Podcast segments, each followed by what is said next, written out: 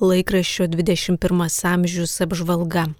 Naujausiame 21 amžiaus numeryje Mindaugas Buik apžvelgia popiežiaus Pranciškaus pasikalbėjimą su Romos kurijos institucijų vadovais ir jo aiškinimą apie puikybę bei nuolankumą. Kunigas Vytenis Vaškelis klausė, kodėl pirmąjį stebuklą Jėzus padarė vandenį paversdamas vynu. Juk dėl piknaudžiavimo svaigalais kenčia daugybė žmonių. Gėrimas gėrimui nelygu. Kam alkoholio vartojimas jūra iki kelių, maldose linkėkime, kad išsiblaivę suprastų, jog be kito pagalbos nesulauks prasmingo gyvenimo, nes per daug įkaušusiems vynas atima protą. 21-ame amžiuje apžvelgiama Lietuvos karitas ir Lietuvos advokatūros iniciatyva, kai tris savaitės nuo lapkričio 22 iki gruodžio 10 dienos 276 Lietuvos advokatai ir advokatų padėjėjai teikė nemokamas konsultacijas teisės klausimais. Į juos kreipėsi 461 asmuo. Didžioji dalis konsultacijų vyko nuotoliniu būdu ir tik labai nedidelė gyvai. Dažniausiai žmonės kreipdavosi dėl civilinės ir administracinės teisės klausimų. Džiugina, kad advokatai kasmet jungiasi į tokią socialinę iniciatyvą, o jų skaičius kas kart auga. Neką mažiau džiugina tai, kad žmonės drąsiau kreipiasi dėl teisinės pagalbos ir kasmet didėja besikonsultuojančiųjų skaičius. Akivaizdu, kad galimybė konsultuotis nemokamai, turint teisinių rūpeščių, yra vienas iš šių dienų poreikių mūsų žmonėms. Į šį poreikį kartu su advokatais ir jų padėjėjais atsiliepiame jau šeštus metus. Poreikis tokios nemokamos pagalbos teikimui kasmet tik didėja ir tikimės, kad bendradarbiavimas su advokatais tęsis ir toliau. Aptardama iniciatyvos rezultatus kalbėjo Lietuvos karitas vadovė Deimantė Bukeikaitė. Pasak advokatų tarybos pirmininko profesoriaus daktaro Igno Vėgelės, kasmet augantis susidomėjimas šią iniciatyvą skatina ieškoti daugiau būdų, kaip būtų galima padėti Lietuvo žmonėms spręsti iškilusias bėdas. Esu tikras, kad ir kitais metais tęsime šią tradiciją, tačiau ieškome sprendimo būdų, kurie suteiktų galimybę visus metus nemokamomis konsultacijomis pasinaudoti kuo platesniam paramos ir pagalbos tokojančių žmonių ratui, sakė advokatų tarybos pirmininkas Ignas Vėgėlė. Minime sausio 13-osios metinės.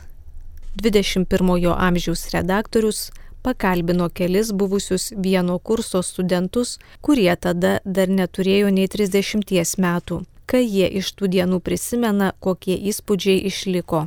Šiuos metus Seimas paskelbė Lietuvos universitetų metais, Juos trys Kauno universitetai pradėjo įdomių renginių per trijų karalių šventę, kai Vytauto didžiojo Kauno technologijos ir Lietuvos veikatos mokslo universitetų rektoriai šią žinę paskleidė vienoje judriausių Kaune karaliaus Mindaugo prospekto ir Adomo Mitskevičiaus gatvių sankryžoje. Šimtui sekundžių įrengus sceną, o studentai net spėjo sušokti šokį paskelbta, kad universitetai visus metus kvies į įvairius plačiai visuomeniai skirtus nemokamus renginius - paskaitas, konferencijas, parodas. Neseniai minėjome filosofo Stasio Šalkauskio 80-asias mirties metinės. Ritonė Šalkauskienė rašo, kad tai buvo jautriai sąžiningas, vis rūpinosi, kad ko nors moraliai ir materialiai nenuskriaustų, nepripažino ir švento melo buvo be jokių kompromisų ir 21-ame amžiuje pateikė jo mintis apie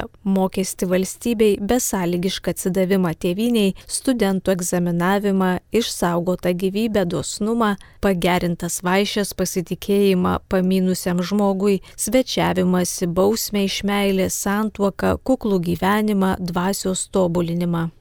Vladas Vaitkevičius laikraštyje 21 amžius tęsė prieškario kunigų kuriejų apžvalgą ir šį kartą rašo apie tai, ką sukūrė kunigai Antanas Vytaras, Vinsas Bonaventūra Zajančiauskas, Pranciškus Žadeikis, Juozas Židanavičius, Tomas Žilinskas, Kazimieras Žitkus mažai žinoma Lietuvoje, bet gerai žinoma Varėnos krašte, prieš 120 metų gimusi tautosako žinovė Rožė Sabaliauskenė. Jos gyvenimo kelią ir nuveiktus darbus apžvelgė Laimutė Cibulskenė. 21-ojo amžiaus priedė jaunimų žvilgsniai socialinė darbuotoja Violeta Draunevičianė rašo apie tai, kaip svarbus bendruomeniniai namai protinę ar raidos negalę turintiems vaikams. Kazimiera Sipienė iš Gargždų džiaugiasi, kad kadaise čia veikusios ateitininkų organizacijos nariai, dabar jau studijuojantis ar gyvenantis didžiuosiuose miestuose, kartai sugrįžta į gimtąjį miestą, o tada užeina ir į Švento Arkangelo Mykolo bažnyčią dalyvauja ir gėda šventosiuose mišiuose.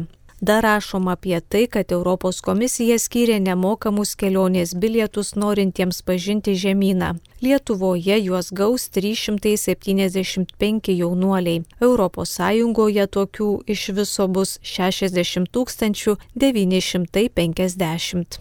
Laikraščio 21 amžius apžvalga parengė laikraščio redaktorius Romas Bacevičius.